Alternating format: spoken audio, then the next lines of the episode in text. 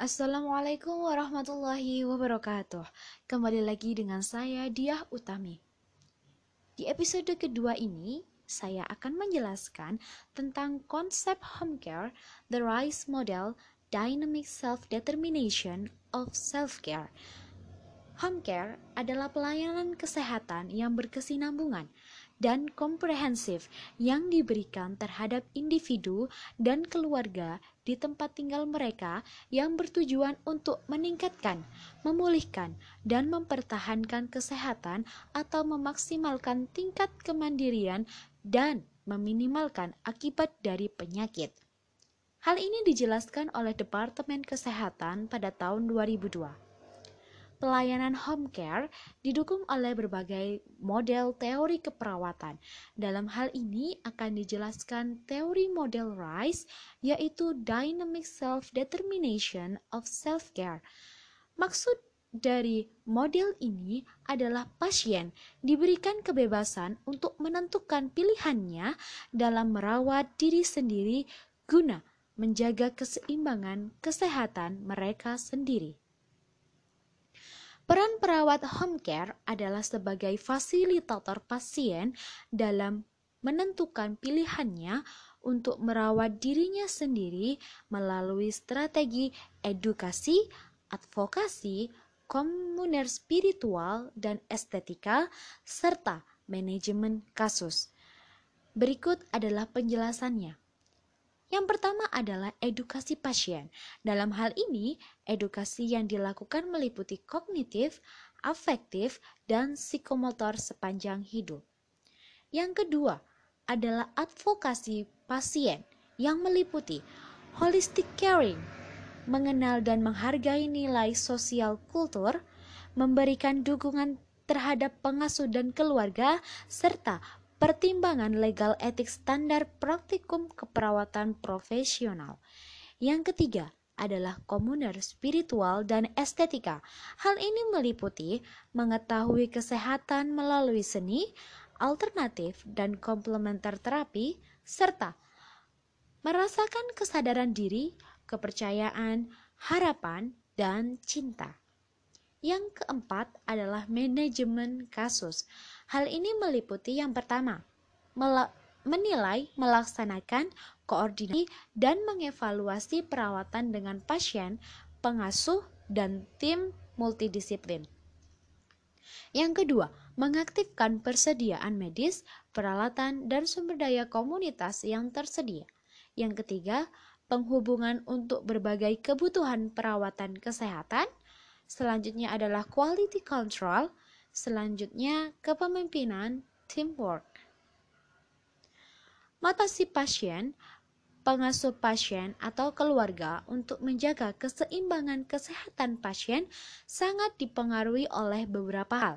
Di antaranya adalah yang pertama, proses penyakit, yang kedua, usia dan perkembangan kognitif, yang ketiga, perawatan kesehatan yang dirasa perlu, yang keempat, informasi dan keputusan aktif sebagai hak dasar. Yang kelima, pengaruh budaya. Yang keenam, perses persepsi interpersonal kesehatan, keyakinan, penyembuhan, dan sudut pandang. Yang ketujuh, tingkat otonomi individu terhadap praktik kesehatan atau locus of control. Yang kedelapan, adalah sumber lingkungan sosial stresor. Yang kesembilan, rumah dan lingkungan masyarakat. Selanjutnya adalah kebutuhan secara holistik untuk kesehatan merupakan suatu proses yang dinamis. Seseorang untuk berubah mencapai kesehatan yang optimal. Kesehatan yang optimal dapat dievaluasi dari beberapa hal, di antaranya yaitu satu, stabilitas fisiologi, yang kedua, harmoni intrapersonal, yang ketiga, resonansi, yang keempat, partisipasi dalam rencana perawatan, yang kelima, mampu dan mandiri dalam mengelola perawatan diri di rumah. Yang keenam, hasil perawatan sesuai dengan tujuan yang sudah direncanakan. Yang ketujuh, perbaikan objektif dan subjektif dalam status kesehatan. Dan yang terakhir adalah kepuasan dengan perawatan dan kualitas hidup. Penentuan nasib sendiri secara dinamis untuk perawatan diri memungkinkan pasien untuk menjembatani kesenjangan antara kebutuhan dan pencapaian tujuan. Hubungan caring antara perawat pasien dan pengasuh bergerak dari ketergantungan atau dependent, saling ketergantungan atau interdependent, dan kemandirian pasien atau pengasuh yaitu independen. Berikut penjelasannya. Yang pertama adalah dependent, yaitu pada tahap awal perawatan akan akan dilakukan sebagian besar oleh perawat kepada pasiennya. Kemudian mulai melakukan pendidikan kesehatan, memberikan pengetahuan dan melatih pasien atau pengasuh pasien dalam merawat pasien. Yang kedua, interdependent, yaitu pasien atau pengasuh pasien sudah mulai memiliki pengetahuan, keterampilan, dan kepercayaan diri untuk melakukan perawatan secara mandiri dengan membimbing dari perawat home care sesuai kebutuhan. Maksud saya dengan bimbingan dari perawat home care sesuai dengan kebutuhan pasien.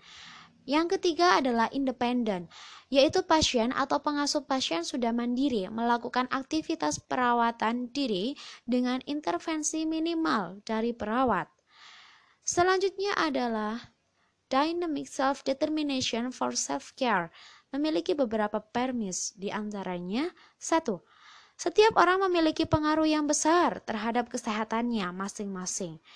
Yang kedua, kesehatan yang optimal mengacu pada level fungsional tertinggi dan multidimensional.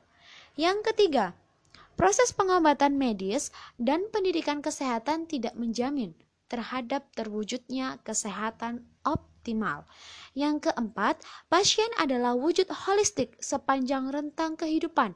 Yang kelima, partisipasi pasien dalam perencanaan keperawatan, dan keberhasilan pengelolaan kebutuhan keperawatan kesehatan di rumah merupakan hasil dari penentuan mandiri secara dinamis terhadap perawatan diri pasien yang dimanifestasikan oleh strategi perawatan diri yang mendorong terhadap kesehatan yang optimal.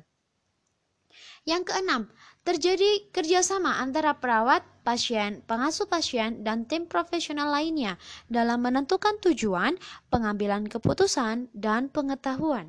Yang ketujuh, pasien atau pengasuh berbagai berbagi tanggung jawab dalam merawat pasien yang difasilitasi oleh perawat home care.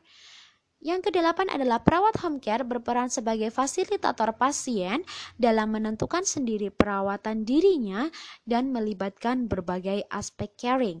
Di antaranya adalah pendidikan, advokat, manajer, manajemen kasus, dan komuner spiritual dan estetika. Yang kesembilan, pengasuh atau keluarga dipandang sebagai kepanjangan tangan dari pasien dan kebutuhan pasien, berperan dalam merawat pasien. Yang ke-10, hubungan antara perawat, pasien, dan pengasuh adalah hubungan saling percaya dan menjamin keselamatan lingkungan bagi semua yang terlibat. Dalam menjalankan peran dan fungsinya, perawat home care mungkin akan dihadapkan pada pasien, pengasuh, atau keluarga pasien yang tidak bisa diajak kerjasama dalam menjalankan program perawatan mandiri. Selanjutnya adalah kesimpulan dari uh, konsep home care the RISE model dynamic self determination of self care yaitu dalam RISE model Dynamic Self-Determination of Self-Care dijelaskan bahwa pasien diberikan kebebasan untuk menentukan pilihannya dalam merawat dirinya sendiri guna menjaga keseimbangan kesehatan mereka sendiri. Pada model ini terdapat penjelasan tentang perawat home care sebagai fasilitator, terdapat juga faktor apa saja yang dapat memotivasi pasien dalam merawat dirinya, serta indikator pencapaian kesehatan yang optimal seorang pasien. Selain itu, juga terdapat penjelasan tentang hubungan antara perawat dengan pasien yang meliputi dependent, interdependent, dan independent. Eh, berikut adalah contoh dari home care.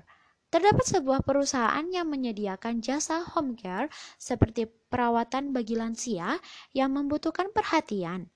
Uh, perawat akan berusaha memenuhi kebutuhan dasar manusia. Nah, hal tersebut merupakan salah satu bentuk dari home care. Sekian dari penjelasan saya tentang konsep home care, the RISE model, dynamic self-determination of self-care di episode kedua kali ini. Terima kasih telah mendengarkan dan sampai jumpa di episode selanjutnya. Wassalamualaikum warahmatullahi wabarakatuh.